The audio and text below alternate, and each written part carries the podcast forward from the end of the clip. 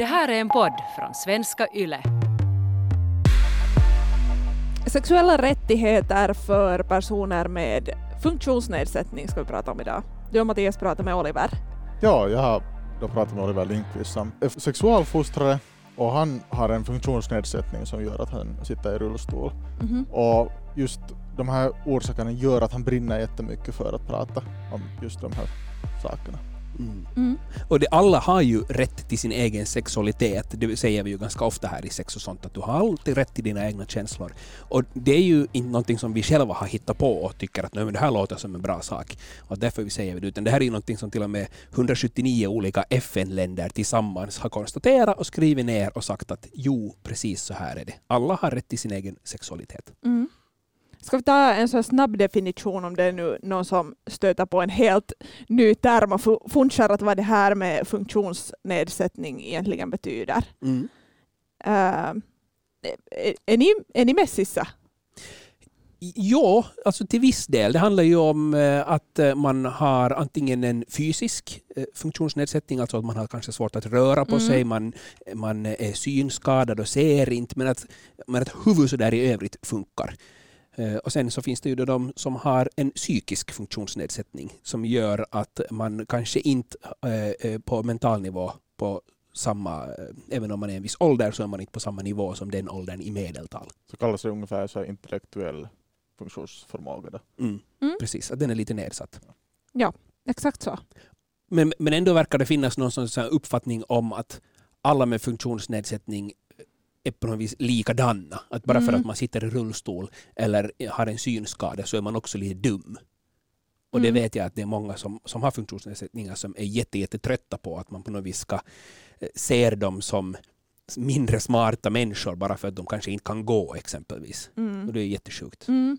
Och likaså finns det ju nog en uppfattning om att folk med funktionsnedsättning inte är sexuella varelser eller liksom att de inte skulle ha rätt till sin sexualitet och därför känns det här dagens tema extra viktigt. Och Oliver som jag pratade med, så han berättade att många just med funktionsnedsättning inte ens själv fattar att de har den rätten. Mm. Och det har varit jättestora problem i samhället så att man börjar de här diskussionerna. Och det är ju jättemycket det att inte samhället har fört fram det här, att man inte har gått till skolan och pratat om de här sakerna och att vi inte ser i medien heller. Det som jag vill också säga att handikappade borde vara mycket öppnare och ta upp de här sakerna. Att, att personer med funktionsnedsättning är ganska... De vågar inte tala om sexualitet och sex. Många liksom tycker att det här hör inte mig. Och det, det är liksom väldigt synd. Så säger alltså Oliver Lindqvist som brinner för att prata om, om just de här frågorna. Mm. Att det är tråkigt och synd att man inte vågar prata om de här sakerna själv som en person med en funktionsnedsättning. Mm. Får jag ta upp och fundera på en grej? Oliver använder själv ordet handikappad. Eh, jag förstod att det är liksom som ett ord som liksom tidigare har funnits och kanske ännu finns i lagtexter, typ i finsk lagtext, men en, ett ord som man nu kanske i största allmänhet inte ska använda uh, mera. Mm. Men jag tänker också att när Oliver använder det själv så är det ju liksom som att owna tillbaka det ordet. Men att, att om man inte vet att en person använder sig av ordet handikappad så är det ju ett ord som man nu inte ska Mm. eh, så här slänga ur sig. Och det är ju bra att alltid lyssna på vad folk säger och själv använder för. Det gör vi ju i sex och sånt hela tiden. Om det Mhm. kommer in en fråga, någon som säger att min penis är si och så eller kliar eller vad som helst, så för, då går vi ganska sällan och använder ord, ordet kuk, som jag kanske annars skulle använda för mig själv. Men jag lyssnar på den som ställer frågan, vilka ord är den bekväm med att använda? Och sen så använder jag samma. Mm. Det är liksom en ganska lätt, en lätt väg att gå om man själv är lite osäker på vilka ord som är okej.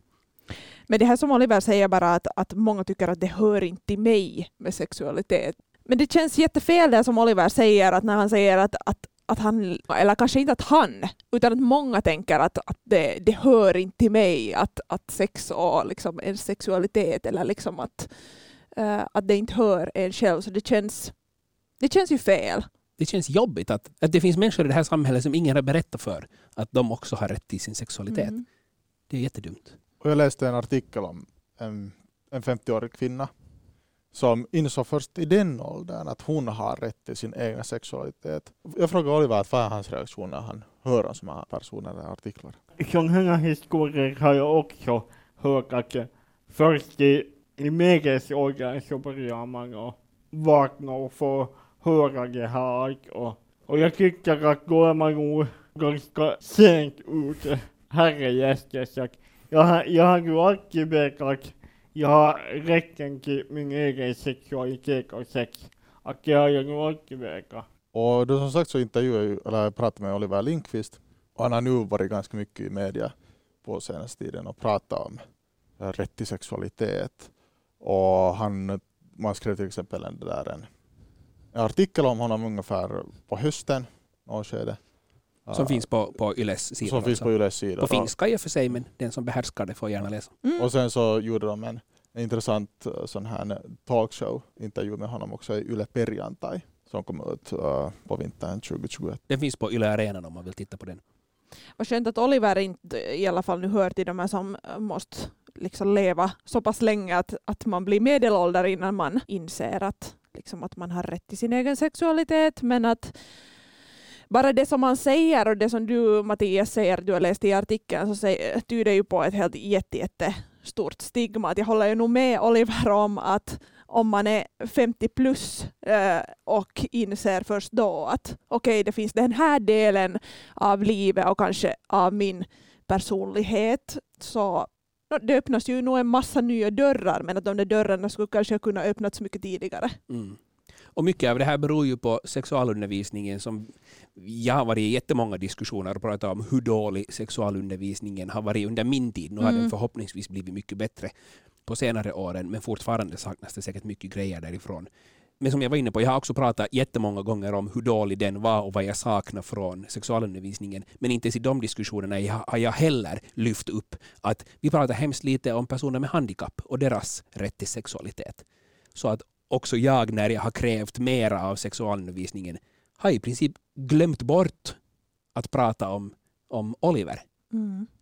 Och, och jag känner ju mig själv dålig för den saken. Att här har jag suttit och tyckt att Åh, vi borde ha pratat mer om homosexualitet för att det nu berör mig. Men nu är det väl på något vis eh, naturligt och, och mänskligt att det är det som man själv saknar som man lyfter upp sen i senare skede. Mm. Nej, men det, ja, men det känns viktigt på något vis att, att Oliver har kommit också stort ut med sitt intresse och liksom helt klart nu har utbildat sig för att prata om de här sakerna. Men att ja, jag, jag tycker nog också att visst så skulle det ju kräva att sexualundervisningen i, överhuvudtaget skulle prata mera liksom i mångfald då det kommer till, till människor och till sexualitet. Och där, där den diskussionen som vi hade med Oliver, lite också tangera det som du säger att om du har varit intresserad och du har lyft upp till exempel sexuella minoriteter väldigt mycket när du har träffat äh, personer eller under sexualundervisning och i skolor. Mm. Och det är lite det som han också vill göra, att han ska kunna just föra fram sitt budskap. Därför har jag gått till utbildningen. För att sen kunna förläsa sexualkunskap och, och speciellt och personer med funktionsnedsättning för det har att göra med livets grunder. Bra sexualkunskap borde alla få. Väldigt bra sagt där av Oliver. Det är Alltså inte bara poetiskt, att det har med livets grunder Mhm. att göra. Väldigt poetiskt fint, Mhm. men också 100% helt sant. Mm. Att det är ju så. Mm. Och sen har man ändå tänkt att inte behöver vi berätta allt de här. Alltså, men det här är så svårt. När vi, eh, nu pratar vi också så här om att vi lite så där lassar allt på skolan. Och det Nå, blir i ju liksom, sig, det ja. blir ofta så att eh, jag tycker att vi måste ta, ta oss själva i kragen, lite som du Dan också säger, att vi, vi kan inte bara uh, så där mata oss själva i Mm. det vi tycker är viktigt, att vi måste på något vis bredda uh, också hur vi liksom pratar om saker, också vi som inte har en funktionsnedsättning till exempel. Att det, vi kan inte bara gå till skolan hela Mm. tiden. Nej, det Sådär. kan vi inte göra. Och, och samtidigt så låter det ju också som när jag säger att man har tänkt att de här behöver vi inte berätta åt. Jag tror ju inte att det är någon som har gjort det eh, med avsikt. Mm, nej, varit så här och, och haft en, en hemlig mapp med saker om sex som man inte har velat visa åt Oliver.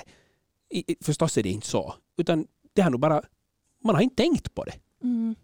Ja, Och sen, sen tror jag nog liksom att det finns ett så stort stigma så där överlag och att folk inte bara har kunskap eller tänker att de inte vet eller kan tillräckligt och så blir det liksom konstigt att man inte pratar om, om saker överhuvudtaget. Vad väcker det för känslor i dig, eh, Mattias, när du pratar med Oliver och han ändå var jättebra på att lyfta upp de här sakerna som han saknar och som han brinner för i livet? Då först blev jag ju ganska ledsen att uh, prata med en, en person som nästan hela livet har måste på något sätt kämpa mot sin egna sexualitet, eller inte mot sin sexualitet, men för sin sexualitet. Mm. Förstå att vad är min rätt också att ha min egna sexualitet Mhm. och min sexuella lust. Och jag som ändå relativt funktionerande person har ju jättesvårt att, om jag aldrig för en sån diskussion med en person, så att förstå det här Mm. frustrationen som finns inne i en, sån, en, en människa på det sättet. Så samtidigt som var det jätterörande att höra honom prata om det här och, och samtidigt öppnade det jättemycket mina ögon för att hej, det här är ju någonting som vi måste på riktigt i fortsättningen prata mycket mer om. Vad är Mm. den här rätten till sexualitet och rätten att få vara sexuell? Och just det där när du, när du sa att prata mera om de här sakerna och kanske prata mer med personer som har funktionsnedsättningar. För det var ju också någonting som Oliver lyfte upp att, att många människor har ett stort problem att ens prata med och då pratar jag inte alltså om att prata om sex utan att ens prata med personer med funktionsnedsättning. Det var ju en undersökning från brickan som man konstaterar att 65-70 procent av brickan inte vågar ens komma och tala till någon som har funktionsnedsättning. Inte undra på att man inte vågar ha sex med en person som har funktionsnedsättning. Jag skulle hoppas att, att människor utan funktionsnedsättning skulle mera våga vara modiga och komma fram och prata till en person med funktionsnedsättning.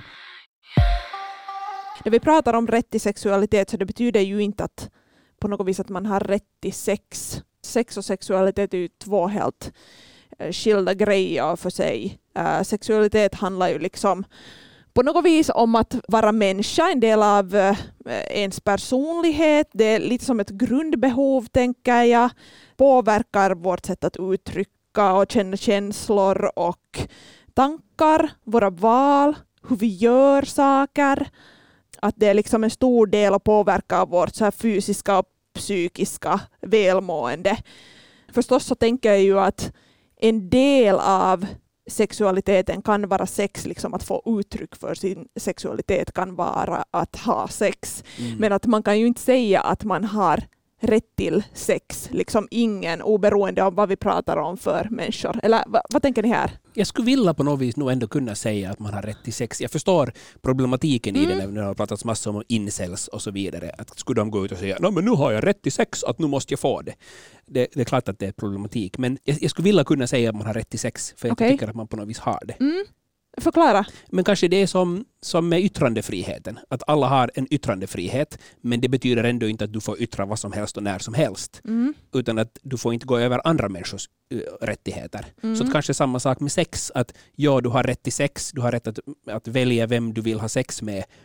Men det har ju andra människor också. Så att Mm. måste du hitta någon som har rätten och vill välja att ha sex med just dig. Mm. Du vill ha sex med mig, Mm. så måste jag också vilja ha sex med dig. Men du får ha den viljan att ha sex med mig. Ja. Men för att det ska vara okej så måste jag också känna samma sak. Ja, eller eftersom du också har rätt till att ha sex Ja. och Dan har rätt till att ha sex, ja. så då måste liksom, om det inte går på bådas villkor så blir det... Så då är det ju fel Ja. förstås. Så Ja, det som det egentligen exakt. handlar om att Mm. vi har, du och jag Mattias har rätt till sex, men det, som, det är det att Malena har inte rätt att komma in och säga att vi skulle inte få ha sex. Det är kanske det det handlar om, Mm. att Okej, människor ja. som tillsammans vill ha sex har rätt till det. Mm. Förutsatt att man är tillräckligt gammal för att ha laglig rätt att uttrycka den här sexualiteten. Det har vi ju sen bestämt i lag. Men det är det att man får inte inskränka på någon annans rätt till sex. Mm. Om den vill ligga med jag vill ligga med den så ska vi få ha rätt att ha den där sexen. Mm. Mm.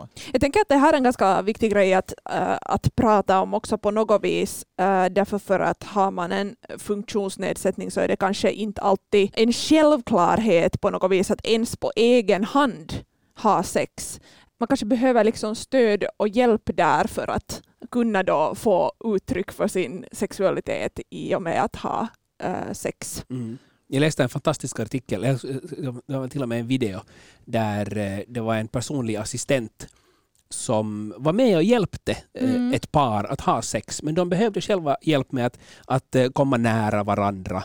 Eller kanske, jag tror att den ena hängde i, liksom låg i en sån här gunga. Mm. Och, och den här assistenten hjälpte till att, att få rörelsen eh, att röra den här gungan för att det kunde de inte själva. Den här assistenten körde också kvinnan eh, när hon satt i sin rullstol körde henne väldigt nära så att hennes mun kom åt de delarna på, på partners kropp som hon ville komma åt men som Mm. hon inte själv kunde ta sig fram till. Mm. Jag vet, det här är ju inte alls någonting som man kan kräva av alla eh, personliga assistenter har jag förstått. Men att det finns många som, som upplever att det hör till deras jobb och de har inga problem med att hjälpa till i sådana situationer. Mm.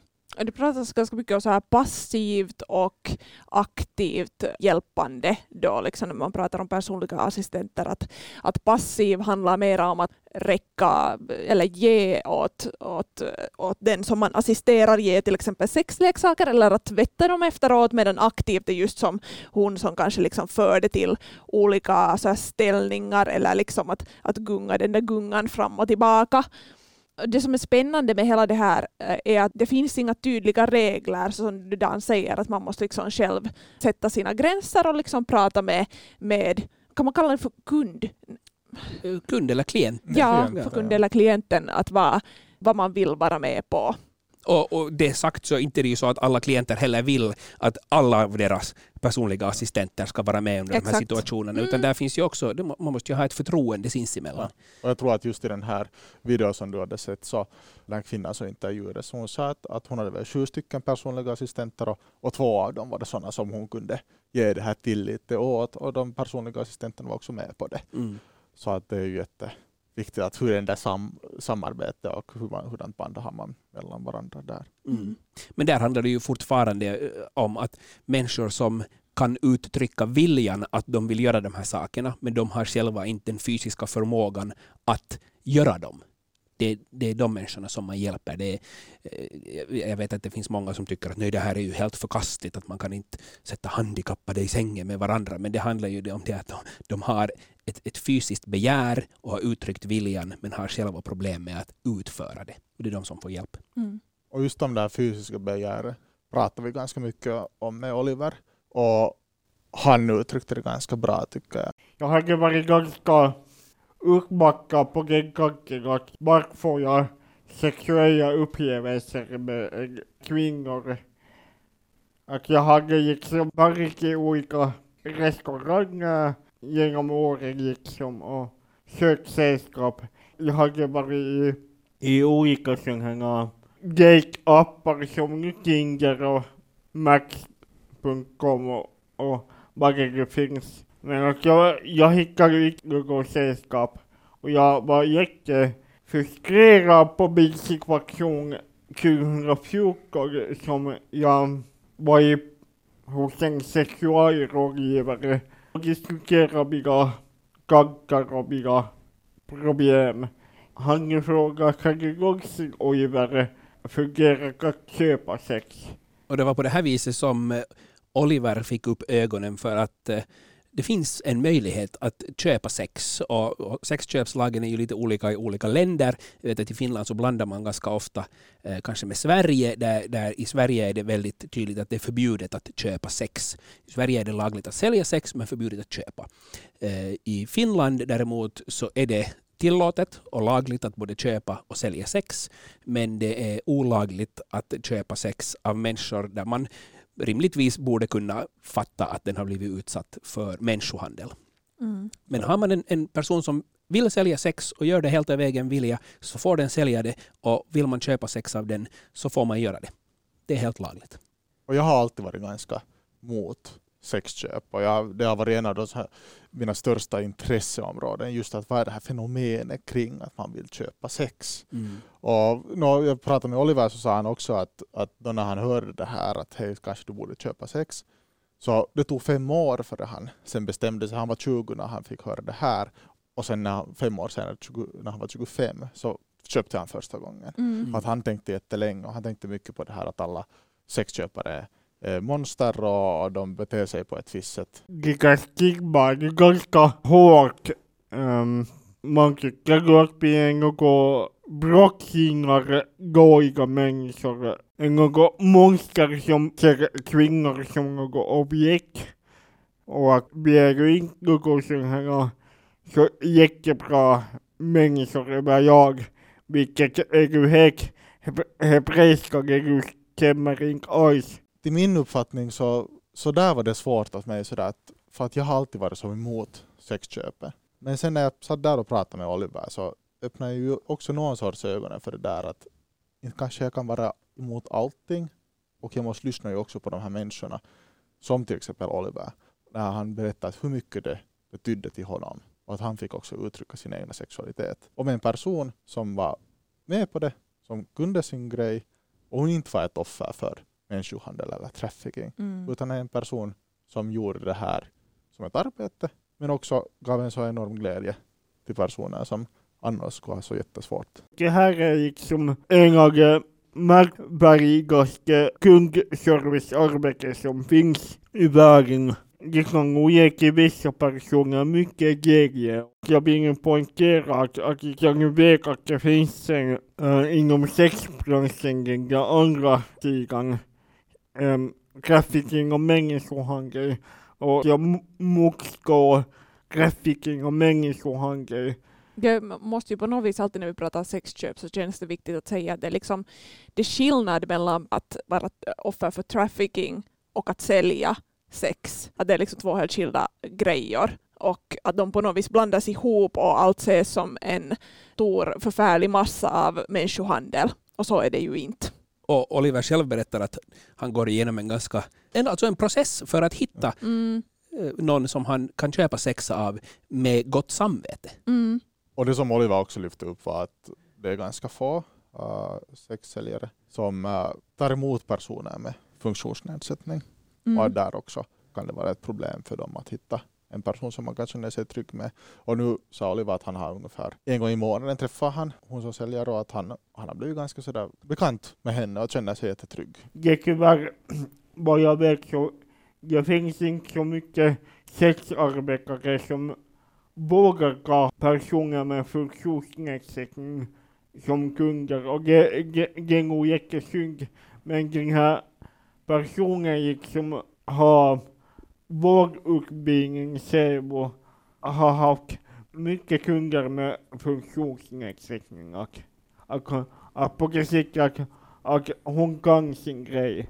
En vårdutbildning alltså har den här människan som Oliver träffar en Mm. gång i månaden. Och på något vis så tycker jag att det här visar att det är en tjänst han köper. På samma sätt som, och, nu nu vet jag inte specifikt hur det är med Oliver, men jag vet att många människor som har någon form av funktionsnedsättning så vet ni att ska de gå och simma exempelvis så har de en viss assistent med sig som kan de grejerna. Mm. Och förstås finns det många assistenter som kan vara med på många olika former. Men att det finns olika tjänster att få och sen så betalar man för den tjänsten som man vill ha och den som erbjuder den tjänsten är okej med att jobba med just det. Mm. Så inte förstår jag i- i- egentligen varför det ska vara så jättestor skillnad här. Att vad är den där tjänsten? Mm. Samtidigt så skulle det på något sätt vara också skönt att avstigmatisera. Förstås så, så tror jag också att hon, hon är säkert extra duktig med människor för att hon har vårdutbildning. Men att jag tror att andra människor kan också bara vara duktiga med människor. Och bara för att man har en funktionsnedsättning så betyder det ju inte att den som har att göra med någon med funktionsnedsättning på något sätt måste vara professionell människohjälpare. Nej, nej, exakt. Att jag tänker att kanske funktionsnedsättningen kanske kan vara ett, ett liksom plus. Att tänker att vi alla andra som inte har en funktionsnedsättning så li, lider lite av heteronormen och samlagsnormen. Att om vi, om vi nu tänker på sex Mm. och om man inte kan göra enligt normen, om man har något så här, inom situationstecken hinder som gör att man inte kan liksom, gå enligt den normen, så måste man hitta andra vägar. Förstås så kräver det ju kanske att man är ganska modig och öppen och liksom villig att testa olika vägar. Och att man får den informationen som behövs. Ja, som, vi har varit, i- som vi har varit in på här i Mm. det här avsnittet. Att I många fall så får man inte ens den informationen. Ja, men att om så tänker jag att man har en mycket större chans att på riktigt hitta till någon sån här ultimat njutning som på riktigt är någonting som man har utvecklat själv för sig själv och inte liksom bara njuter av det som alla andra också gör. Mm. Och det känns som en sådär jättekiva grej. Jag tänker att man behöver inte vara någon så här utbildad vårdare för att på något vis tillsammans med någon komma fram till olika sätt att, att beröra eller liksom hitta fram till njutning. Mm. Vad får vi i bagage av det här avsnittet? Jag tycker kanske det viktigaste är att tänka på att var inte en av de där 70 procentarna som Oliver pratar om, som inte ens vågar prata med människor som har ett, en funktionsnedsättning. Och det som jag kanske tänker på är att förstås så finns det liksom asexuella människor, men att förstå att det att man har en funktionsnedsättning så äh, betyder inte att man är asexuell. Att som Oliver säger så alla har rätt till sin sexualitet och till sexualkunskap. Och har ni några frågor till Oliver så tänkte vi köra en Ask Me Anything med honom på vår Instagram på Yle Extrem 6. Så skicka in era frågor där.